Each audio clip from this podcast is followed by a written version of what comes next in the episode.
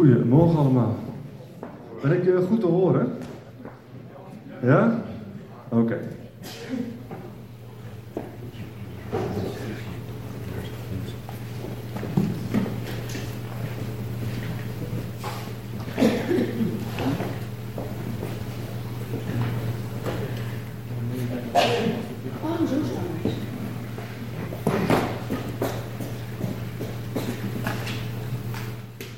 Zo.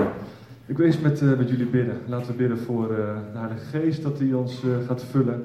Dat we open mogen staan voor de boodschap van God. En dat we, laten we vooral bidden dat de Heilige Geest mag doen wat hij wil, wanneer hij wil en hoe hij het wil. Dat we niks voor hem achterlaten, dat we ons gewoon laten gaan op de aanwezigheid van de Heilige Geest. En dat is natuurlijk het belangrijkste. Dat we niet zelf de controle houden, maar dat we dat vooral overgeven aan God. Want Hij heeft het beste met ons voor en Hij overziet ons hele leven. Amen. En uh, soms dan mogen we nog een beetje groeien misschien in het uh, vertrouwen van God. Maar Hij heeft echt het beste met ons voor. En Hij is niet onmachtig. Hij is zelfs heel machtig. Ja, Vader in de hemel. Ik dank u voor, uh, voor deze dag, Heer.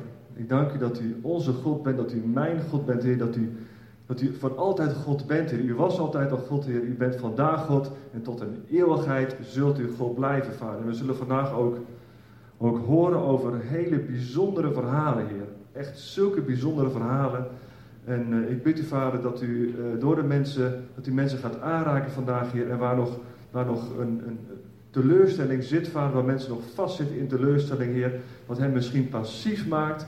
Heilige Geest, wilt u dat vandaag aanraken en wilt u dat opruimen, Heer? Dat mensen gaan staan, Heer, om het maar modern te zeggen, dat ze in hun kracht gaan staan, Vader. Maar eigenlijk, Heer, willen we graag dat mensen gaan staan op de plek waar u wil dat ze gaan staan, Vader. Heer, alle remmen mogen losvaren. Raakt u de mensen maar aan, Heer, wat nodig is. Heer. Dat mensen gaan staan en gaan, gaan, uh, gaan, gaan lopen en gaan wandelen in de plek wat u voor hen heeft. Ja, Heilige Geest. Ik zie er naar uit wat u vandaag gaat doen. En ik dank u al voor het beeld dat u vanochtend had, Heer, voor, uh, voor een aantal mensen, Heer, dat u vandaag ook echt dingen gaat opruimen. U gaat vandaag aan de slag met de mensen, Vader. En ik bid u dat iedereen uh, open zal staan daarvoor, in Jezus' naam. Amen. Amen. Goed, we gaan het vandaag hebben over uh, teleurstelling. En de preek heet De valkuil van teleurstelling. En iedereen kent wel teleurstelling. Iedereen is wel in zijn of haar leven op een bepaalde manier teleurgesteld geraakt.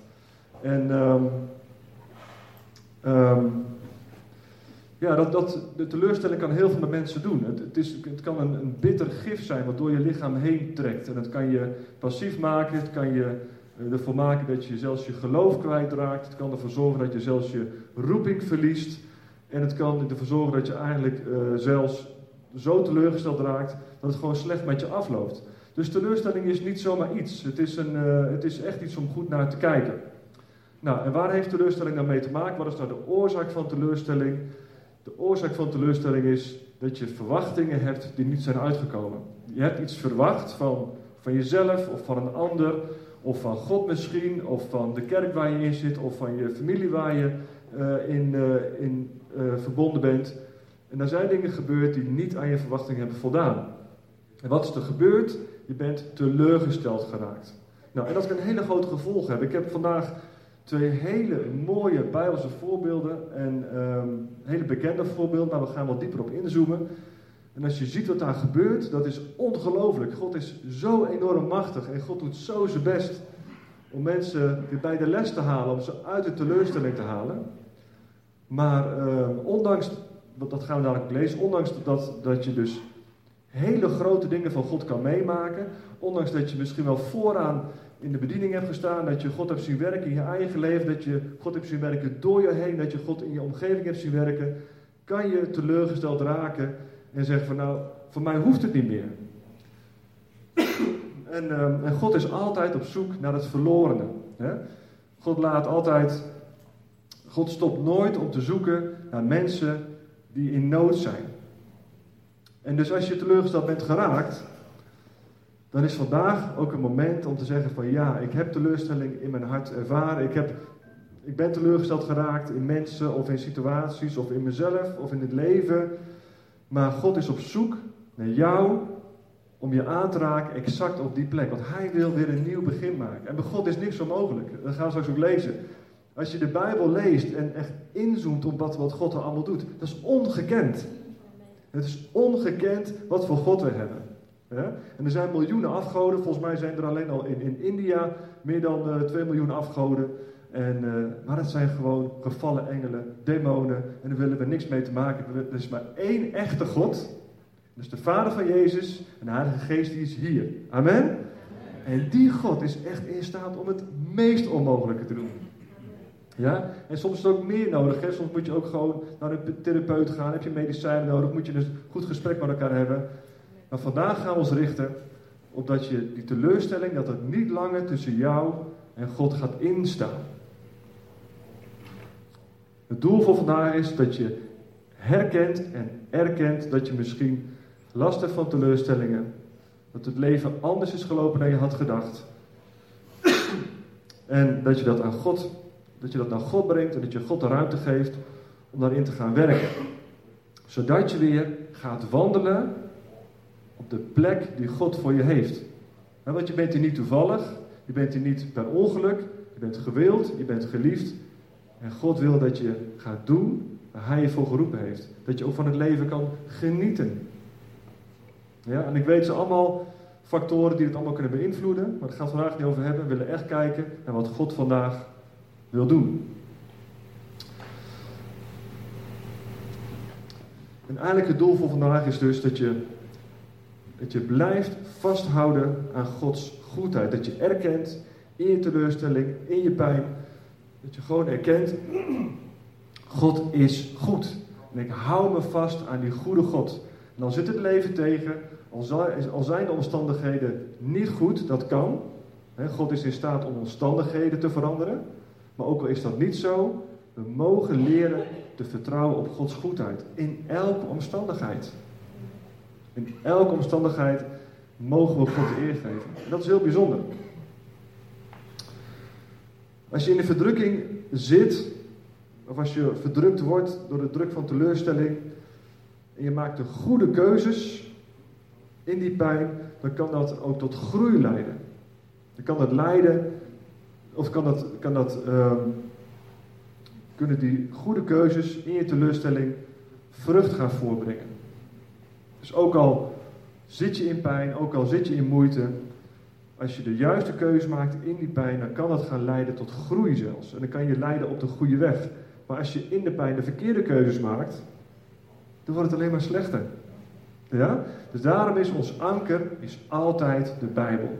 Ons anker is altijd de Heilige Geest. En als je daarop richt en als je dicht bij Hem blijft, dan, gaan, kunnen de teleurstellingen die op je afkomen, die kun je aan.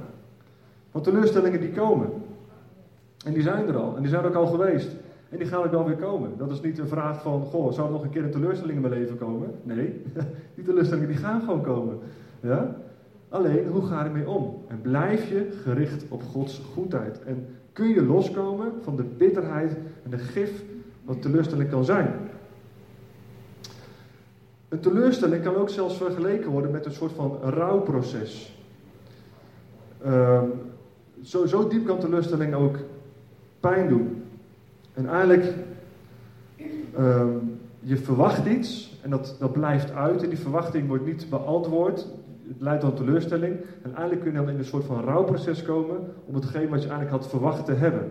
Je bent het als het ware kwijtgeraakt. Het is nooit echt van je geweest, maar je had er zo naar verlangd, je had er zo op gehoopt. Je bent iets kwijtgeraakt eigenlijk. En dat kan zelfs uh, hetzelfde gevoel geven als een, rouwproces. Dus het is best wel ingrijpend wat teleurstelling kan doen. Um, we gaan even naar twee uh, Bijbelse voorbeelden. We gaan eerst naar uh, Mozes. Mozes die uh, de berg opklimt en naar de twee stenen tafelen van God ontvangt. Dat is in Exodus 24. En we gaan even inzoomen op dat verhaal. En we gaan zien wat, wat God of wat Mozes daar meegemaakt heeft. En wat het volk Israël daar meemaakt en wat er dan vervolgens gebeurt. We kennen het verhaal al een beetje, maar we gaan echt even inzoomen op, op ja, wat, wat gebeurt er nou precies? En daarna gaan we nog naar een, een ander Bijbelverhaal toe. En daar gaan we ook eens even goed op inzoomen. Om daarvan te leren. Om te kijken wat nou de verschillen tussen die twee zijn. Exodus 24, vers 12. De Heere zei tegen Mozes: Klim naar boven, naar mij toe, de berg op, en blijf daar.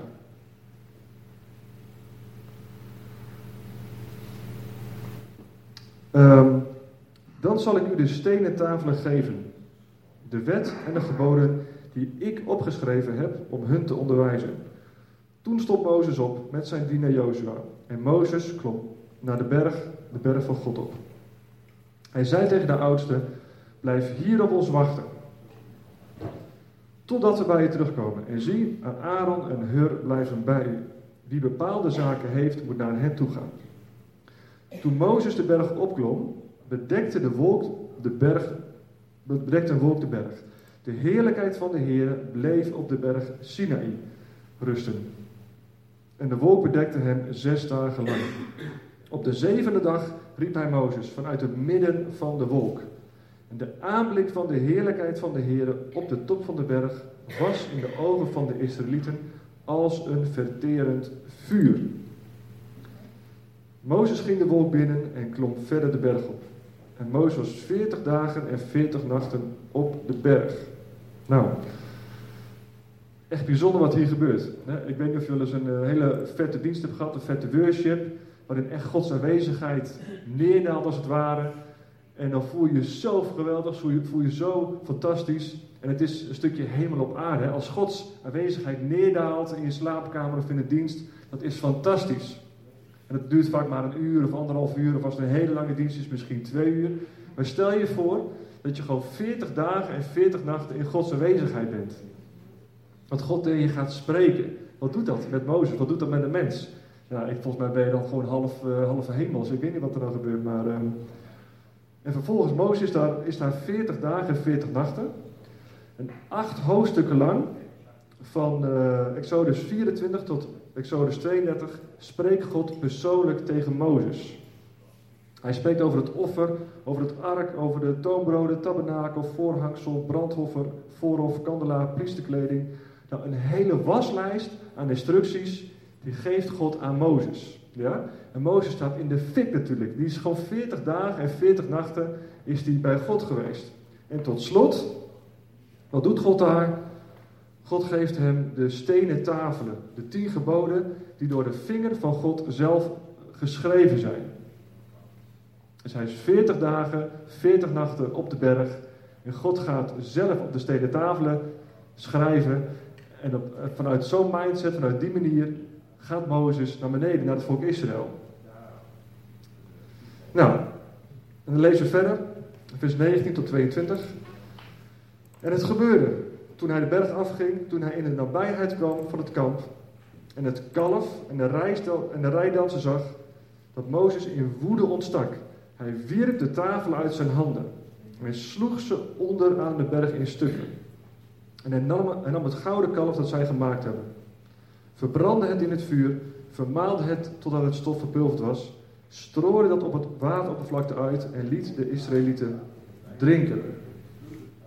En Mozes zei tegen Aaron: Wat heeft dit volkje gedaan dat je zo'n grote zonde over hen hebt gebracht? Dus Mozes is daar bij God op de berg, 40 dagen, 40 nachten. Hij spreekt persoonlijk met God. Hij krijgt nou, een enorme waslijst aan voorschriften. En zijn verwachting is natuurlijk dat het volk Israël heel trouw en vroom en in aanbidding op hem zit te wachten. Want ze hebben hem ook naar boven zien gaan. Dat niet alleen, ze hebben ook gezien dat er om de berg een verterend vuur was. Nou, dat is nogal iets. Ik weet niet wie van jullie een, wel een verterend vuur heeft gezien. Maar als je dat om een berg ziet hangen, en als je de, de wolk van God op die berg ziet, dan denk je toch van, nou, dat zal toch wel iets met je doen, toch? Dat niet alleen. Ze waren net uit Egypte gevlucht. En uh, wat hebben ze allemaal in Egypte meegemaakt? Hè? Ze hebben daar de tien plagen meegemaakt. Hè? De eerstgeboren waren dood, de sprinkhanen, de kikkers, water tot bloed veranderen. Enorm veel wonderen. Ze hebben de uittocht door de zee gehad, dat de zee zich ging splitsen. Dat het hele volk Israël doorheen ging. En de farao met zijn legers verdronk. Ze krijgen dagelijks uit de lucht. Komt er manna vallen, er komen kwakkels uit de lucht. Eén en al wonderen. De wolkolom van God die voor het volk Israël uitging, waar het volk Israël naartoe ging, daar hing een wolkolom, een vurige kolom met Gods aanwezigheid. En het volk Israël hoeft alleen maar achter die wolkolom aan te lopen. Ja? Dus je zou zeggen, ja, wat voor bewijs wil je nog meer hebben dat God bij je is? Wat voor bewijs wil je nog meer hebben dat God almachtig is? En Mozes komt dus terug.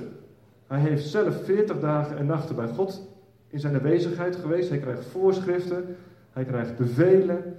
Hij loopt terug de berg af en hij weet wat het volk Israël allemaal van God persoonlijk heeft gezien. En hij verwacht daar, op zijn minst, dat de Israëlieten aan het bidden zijn, aan het zingen zijn, God aan het loven en prijzen zijn. Maar wat ziet hij? Hij ziet dat het volk Israël in die 40 dagen, in die 40 nachten, in zo'n korte tijd ontrouw is geweest. Terwijl God zoveel heeft gedaan. Ze hebben een gouden kalf gemaakt, een afgod die ze aanbidden en ze geven dat gouden kalf de eer. Ja? Ondanks die enorme waslijst aan zaken die ze hebben meegemaakt met God. Dat is niet zomaar een paar wondertjes, dat zijn nou, ongelooflijk dat ze hebben meegemaakt. En slechts, het duurde slechts 40 dagen en 40 nachten voor ze afgedwaald waren. Dus Mozes die loopt die berg af en die is gewoon zwaar teleurgesteld. Hij ziet dat volk dansen en feesten om die afgod heen, om dat gouden kalf heen. En hij is zo boos, hij is zo teleurgesteld. Hij smijt die stenen tafelen kapot, waar God zelf op geschreven had. Uit teleurstelling. We gaan straks uh, terug naar dit verhaal. We gaan even een ander verhaal lezen. Dan gaan we naar een andere grote man, grote godsman uit het Oude Testament. Dat is Elia. Nou, het verhaal van Elia is ook zo bijzonder. Ik heb het deze week natuurlijk gelezen in de voorbereiding. Maar als je er goed op inzoomt, dan, dan ja, dat is echt bizar gewoon. Is echt bizar. Het leukste verhaal uit de Bijbel staat ook beschreven in Elia. Dat, ik vind het echt, persoonlijk vind ik dat het leukste verhaal. Daar komen we straks op. We gaan naar 1 Koning, 1 Koning 19. Um, even een plaatje van, uh, van Elia schetsen. Um, nou, Elia en koning Agab, de koning van Israël toen de tijd, die, uh, die hadden af en toe wat, wat bonje met elkaar. En, uh, en God had door Elia geprofiteerd dat er een droogte zou komen, er zou geen regen vallen en er zou een hongersnood komen.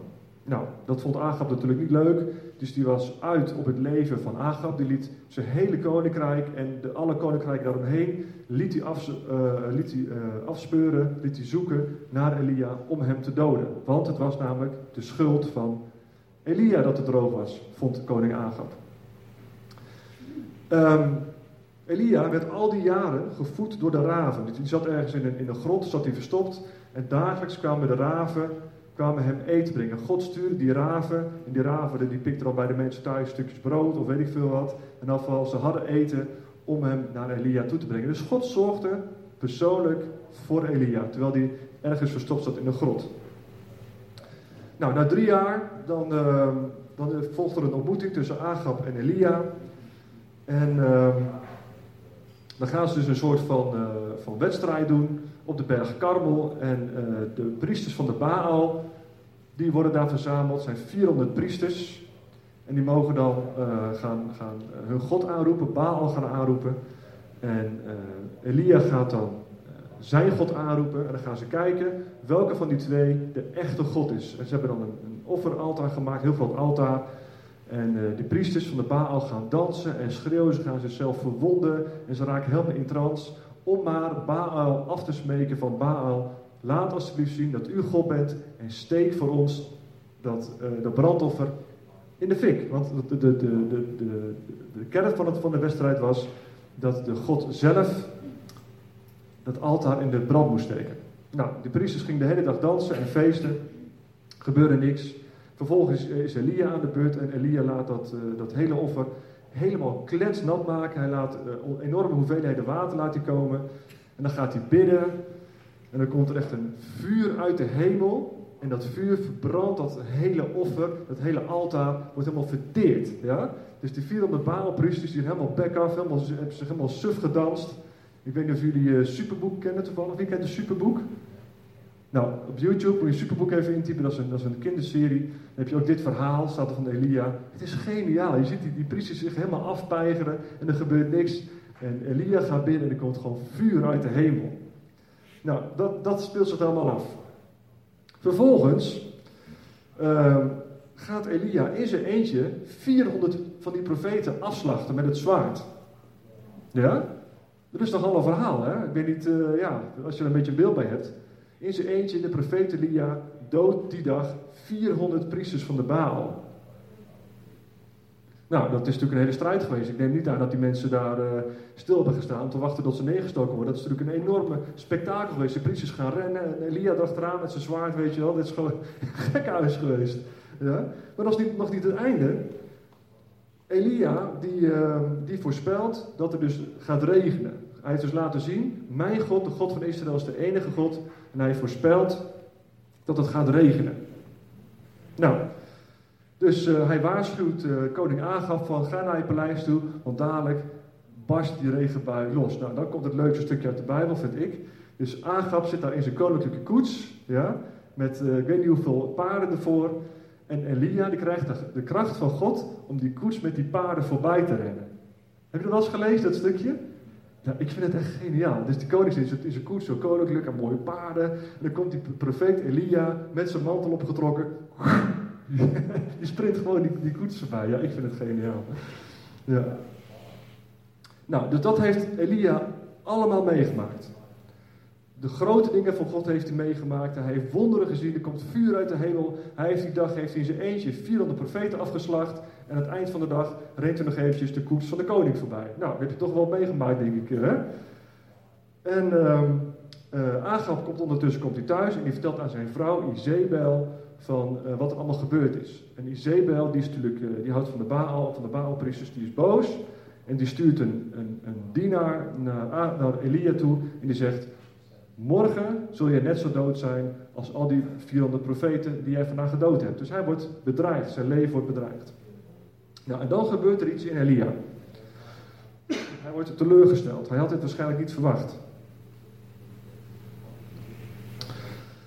1 Koningin 19 vers 4. Hij zelf liep echter een dagreis de woestijn in. Ging onder een bremstruik zitten en bad om te mogen sterven. Hij was zo teleurgesteld dat hij bad om te mogen sterven. Hij zei, het is genoeg. Neem nu mijn leven, heren, want ik ben niet beter dan mijn vaderen. Dan komt er die nacht twee keer een engel bij hem. Niet één keer, maar twee keer komt er een engel. En die geeft hem brood en die geeft hem water.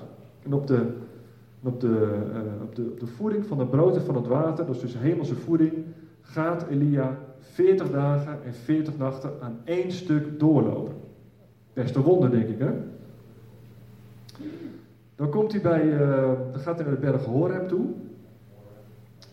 En uh, dan gaat hij overnachten in die grot. En dan gaan we naar 1 Koningin 19, vers 19 tot 16. En eens kijken wat daar gebeurt. Dat is ongekend wat daar gebeurt. Hij ging naar de grot in en overnachtte er. En zie, het woord van de Heere kwam tot hem. En hij zei tegen hem, wat doet u hier, Elia? En hij zei, ik heb mij zeer voor de Heere, de God van de legermacht, ingezet. De Israëlieten hebben immers uw verbond verlaten, uw, uw altaar opweggehaald en uw profeten met het zwaard gedood. Ik alleen ben overgebleven. En zij staan mij naar het leven om het mij te benemen. Maar hij, God, zei tegen hem: Ga naar buiten en ga op de berg staan, voor het aangezicht van de Heer. Nou, dus eigenlijk, uh, na al die wonderen die Elia heeft meegemaakt, na alles wat er gebeurd is, vlucht hij in de grot. God komt naar hem toe en, en vraagt: Elia, wat doe je hier? Nou, en Elia die is zo teleurgesteld dat hij gewoon, na al die dingen die zijn gebeurd, niet over zijn teleurstelling heen kan. Dus hij uit zijn teleurstelling naar God. En wat, God, wat, wat gaat God dan doen? God gaat dan eigenlijk laten zien van, kijk eens hoe sterk ik ben. Kijk eens hoe machtig ik ben. Kijk toch niet naar die situatie waar je in zit. Kijk niet naar het land waar je in woont, wat in afgoderij vervallen is. Maar kijk dan eens hoe groot u bent. Kijk eens hoe machtig u bent. Kijk eens wie er achter jou staat. Kijk eens wie er voor jou staat. En God wil hem echt aanmoedigen. En dat doet hij op zo'n bijzondere manier. Als je nou eens leest wat hier staat, dat is ongekend. En zie, de Heere ging voorbij en een grote en sterke wind die bergen spleet en in rotsen in stukken brak voor het aangezicht van de Heer uit. Ja? Heb je gelezen wat hier staat? De Heere ging voorbij en een grote en sterke wind die bergen spleet en rotsen in stukken brak. Die wind ging voor het aangezicht van de Heer uit. Nou, wie heeft wel eens een, een windhoos meegemaakt waarbij rotsblokken in stukken spleten? Ja? Snap je wat, wat daar gebeurt? God laat even zien van ik ben God. En ik stuur een wind hier voor jou uit, waar jij in die grot zit, wat gewoon de rotsen kan splijten. Ja? En Elia zit daar in zijn rots, die zit daar te mokken. En God laat een windhoos opsteken die we volgens mij nog nooit hebben meegemaakt. De rotsen, die splijten gewoon. Nou, in Amerika zijn heel vaak uh, tornado's en windhozen.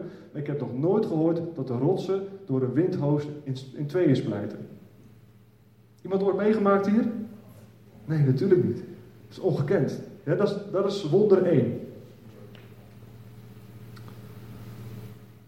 Maar de Heere was niet in de wind. Na deze wind kwam er een aardbeving. Maar de Heere was ook niet in de aardbeving. Dus, Elia zit in die grot. Er komt een verschrikkelijke windhoos. Ja? Vervolgens komt er nog een aardbeving. En als derde, op de aardbeving volgde een vuur. Maar de Heere was ook niet in het vuur.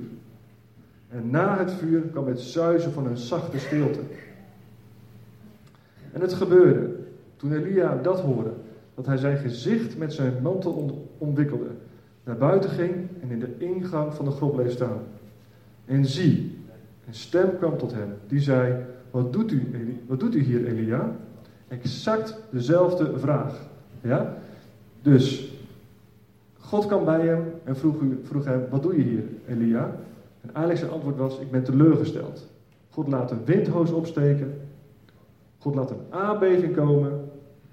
En God laat vuur komen. En in de stilte, dan komt God.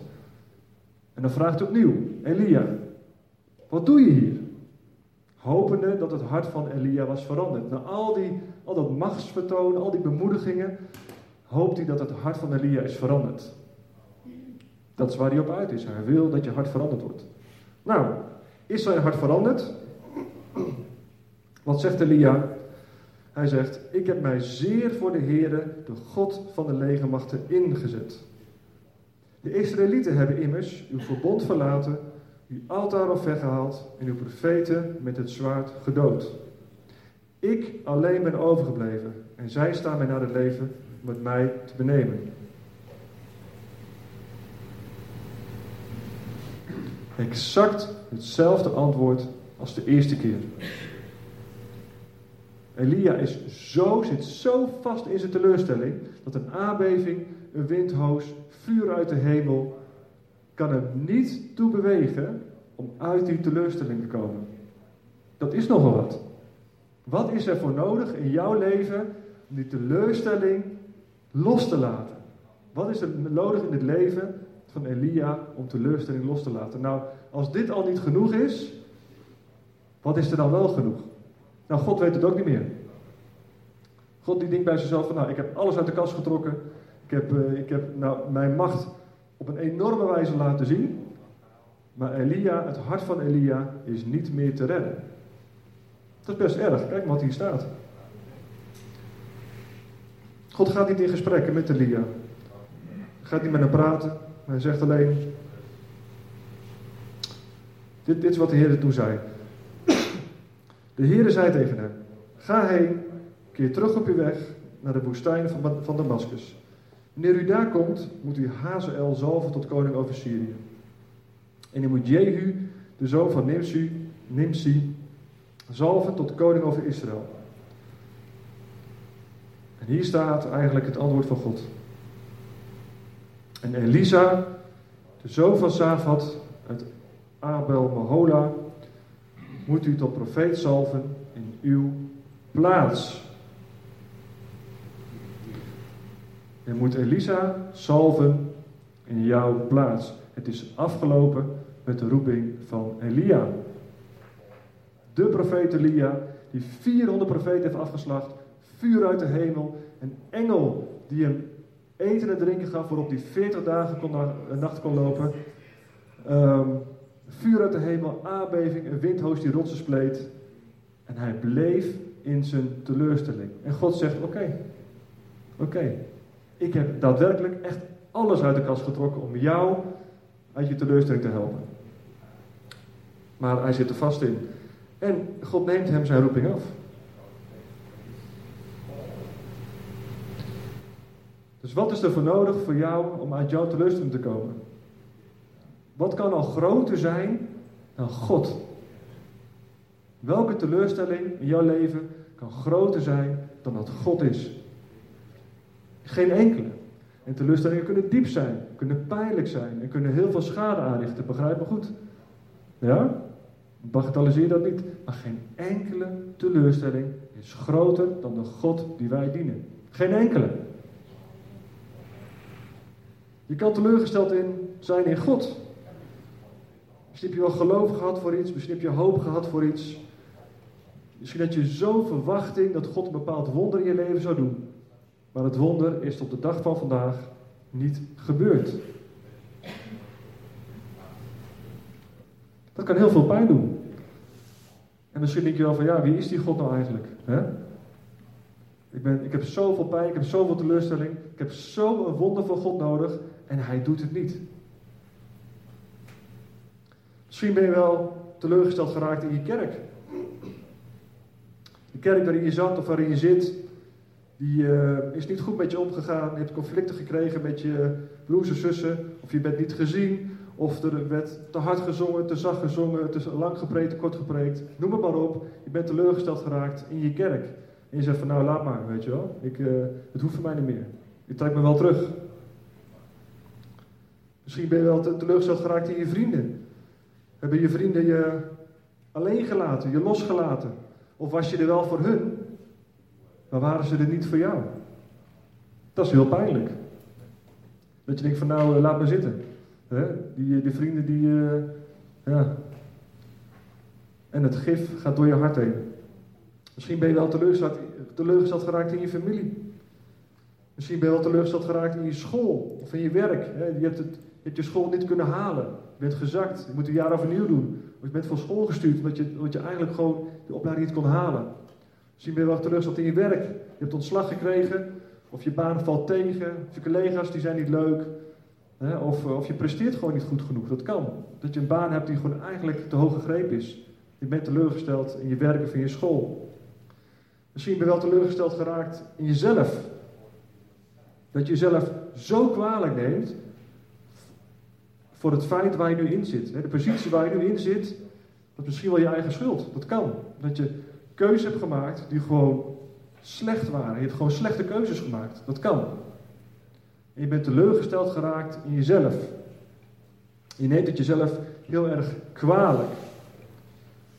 En jezelf iets kwalijk nemen, jezelf, jezelf teleurgesteld raken, dat is een enorme vijand. Onderschat dat niet. Je houdt jezelf vast. Belangrijk om jezelf te vergeven ook.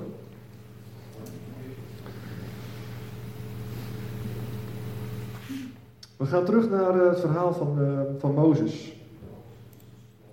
Mozes was natuurlijk uh, teleurgesteld geraakt. Ja? Hij kwam van de berg af, was 40 dagen, 40 nachten in Gods aanwezigheid geweest. Ik denk dat hij echt in de fik stond. Volgens mij stond er ook ergens, in, het Oude Testament ook, dat als als Mozes in, in de tent was geweest, in de tabernakel, dan moest hij gewoon een doek op zijn hoofd wikkelen. Want hij, mensen konden gewoon niet naar hem kijken. Zoveel licht gaf hij. Dus ik dat Mozes letterlijk in de fik stond. Hij stond gewoon in de fik van God. En zo komt hij naar beneden toe. Zo vol van God. En hij heeft allemaal dingen van God gehoord. Hij heeft bijzondere dingen meegemaakt. Hij weet wat het volk Israël heeft meegemaakt. En het volk staat gewoon te dansen om een afgod. Een gevallen engel, een demon. Die geven ze de eer in plaats van de levende God. Mozes is zo teleurgesteld en hij gooit die stenen tafel kapot. Maar dan zien we hier het verschil tussen Mozes en Elia.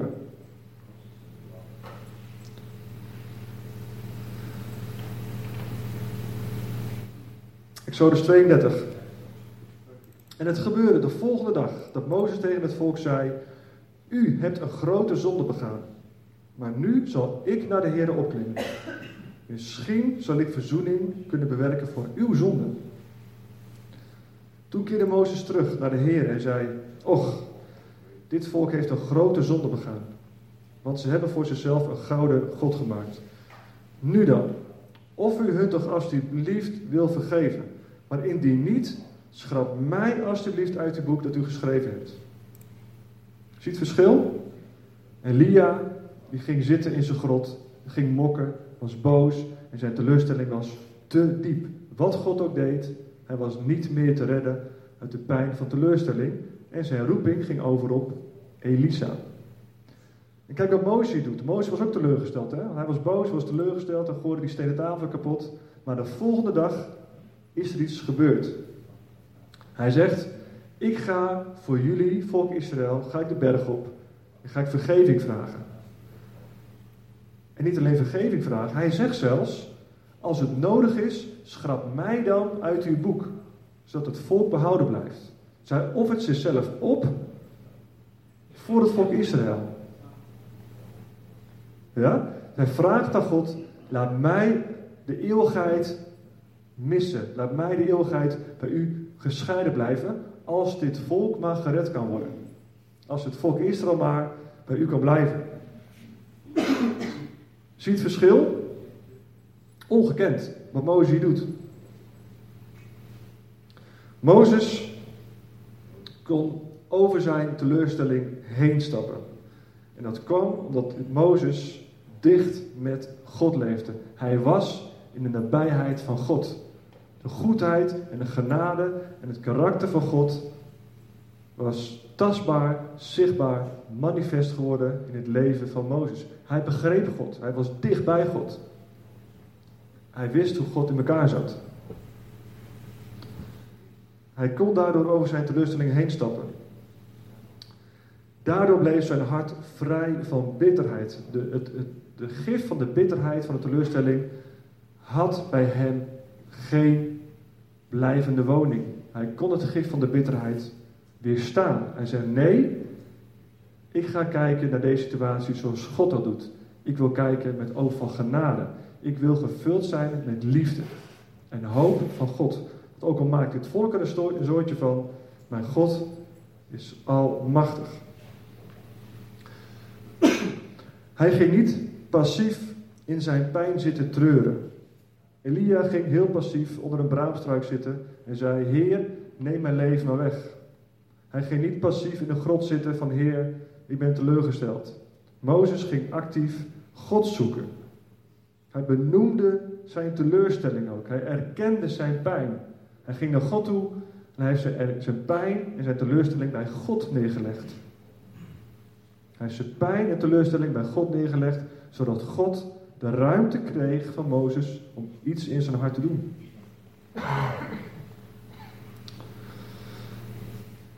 Ja, hij maakte de beste keuze door zijn pijn bij God te brengen.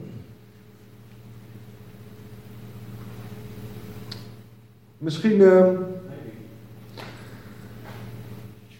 ben je ook geraakt door teleurstellingen in je leven. dat, dat, is, dat kan bijna niet anders.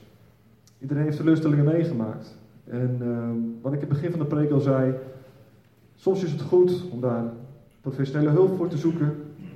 Om daar eens een goed gesprek met je broer en zus mee te hebben. om daar eens uh, voor te gaan bidden in de vrijheidspastoraat. Dat zijn allemaal hele goede dingen die je ook kunt overwegen als de teleurstelling soms te diep is gegaan. Moeten we vooral ook doen, dat soort dingen. Maar het belangrijkste is, denk ik, en dat, gaan we vandaag ook doen, is je teleurstelling bij God brengen. En daarvan bekeren. Dat je zegt, Heer, ik ben teleurgesteld geraakt door wat dan ook. Maar ik wil, ik wil daar los van komen. Ik wil die teleurstelling, die pijn van die teleurstelling, wil ik aan u geven. Want u bent bij machten om vuur uit de hemel te laten komen. Om rukwinden te laten komen die rotsen kunnen splijten. Om aardbevingen te laten gebeuren. Om eten te geven waarop je 40 dagen en 40 nachten kunt lopen. Ja? Die God dienen wij. Dan mag je je bekeren en zeggen: Heer, vergeef mij dat ik de afgelopen tijd, week, dag, maanden, jaren heb toegestaan dat die teleurstelling in mijn wortel heeft geschoten. Dan mag je gewoon naar God, naar God toe brengen. Je mag gewoon naar God toe gaan, die teleurstelling bij hem brengen. En hij neemt het niet van je af, hij neemt het van je aan. Als je het aan hem geeft, dan kan hij een wonder van genezing in je hart gaan doen. Zodat jij weer dicht bij Gods hart gaat leven. Hij wil dat je, dat je zijn hart leert kennen, dat je zijn goedheid leert kennen door elke omstandigheid heen. Dat je ook bij een volgende teleurstelling, die toch gaat komen, sterker bent, overeind blijft en de koers met God blijft varen. Dat is toch het belangrijkste, lieve mensen. Dat we op onze route met God blijven gaan. En mijn route met God is anders dan die van jou. Die van jou is anders dan die van je buurman. Maar de principes zijn hetzelfde. We maken teleurstellingen mee. Maar God is groter dan je teleurstelling. En daar doe ik niks aan af in deze preek. Wat je ook meegemaakt hebt, hoe je er ook voor staat. We gaan allemaal door diepe dalen heen en wat er ook gebeurt. God is groter. En hij kan je teleurstelling aanraken. En hij is zelfs bij machten om de, om de omstandigheden te veranderen. Maar ook indien niet, hij is en blijft goed. En het beste voor jou is, het beste voor iedereen is, om dicht bij God te blijven. Je teleurstelling aan hem te erkennen. Van Heer, ik ben teleurgesteld geraakt in zus of zo. Ik wil mijn pijn bij u neerleggen. En wilt u dat gif van die teleurstelling aanraken. Wilt u daar komen met een wonder. En wilt u mij vullen met die goedheid. En wilt u mij helpen op de weg te gaan die u voor mij heeft. Ik ga niet langer de keus maken om passief in het leven te baden, mij te wentelen in die teleurstelling, zoals Elia dat gedaan heeft. Elia was in die zin opgegeven. Maar God wil dat je gaat staan, dat je nog gaat wandelen, dat je hem opnieuw de kans geeft. Hij wil dat je dicht bij hem gaat leven. En hoe is het met Elia afgelopen eigenlijk? Elia heeft daarna nog een eh, bijzonder wonder gedaan. Hij heeft daarna nog een keertje met zijn mantel op het water geslagen. En het, water is in tweeën gespleten. Ja? vervolgens is hij met een vurige paardenwagen de hemel ingegaan. Dus God hield nog steeds van Elia. Alleen zijn taak was voorbij. Zijn taak was voorbij. En laat dat niet gebeuren. Laat je roeping, laat je taak, dat wat God voor je heeft in het leven, niet geroofd worden door welke omstandigheid dan ook. Want er gaan weer van dat, soort, van dat soort omstandigheden komen. Er gaan er meer komen. Misschien vandaag al, misschien volgende week. Maar er gaan omstandigheden komen die je niet leuk gaat vinden. En God wil dat je in elke omstandigheid leert om heel dicht bij te blijven. God is goed en hij is groter dan welke teleurstelling dan ook. Amen? Oké, okay, we gaan staan met elkaar? Mag de bent ook naar voren komen? Ik wil je echt uitnodigen dadelijk. Zing nog een lied. Kom dadelijk naar voren toe als je kant met de bitterheid van teleurstelling. Ja? Na deze dag je niet roven. Laat dit moment je niet roven. Maak een eind aan die teleurstelling. Mag ook gewoon op je plek. Mag je, mag gewoon zelf met God gaan bidden. Maar misschien is het goed om soms met mensen van het gebedsteam te gaan bidden. En dat je samen jouw pijn, jouw teleurstelling voor God stroom brengt. Want er zijn broers en zussen van elkaar. We mogen samen Jezus volgen. De ene keer ben je sterk en kan je een ander helpen. En de week daarna ben je zwak en heb je hulp nodig. En zo gaat het allemaal. Ja? Zo, zo gaat het gewoon. Er zijn, niet, er zijn geen mensen die altijd sterk zijn. We zijn allemaal gaan we door dalen en bergen heen.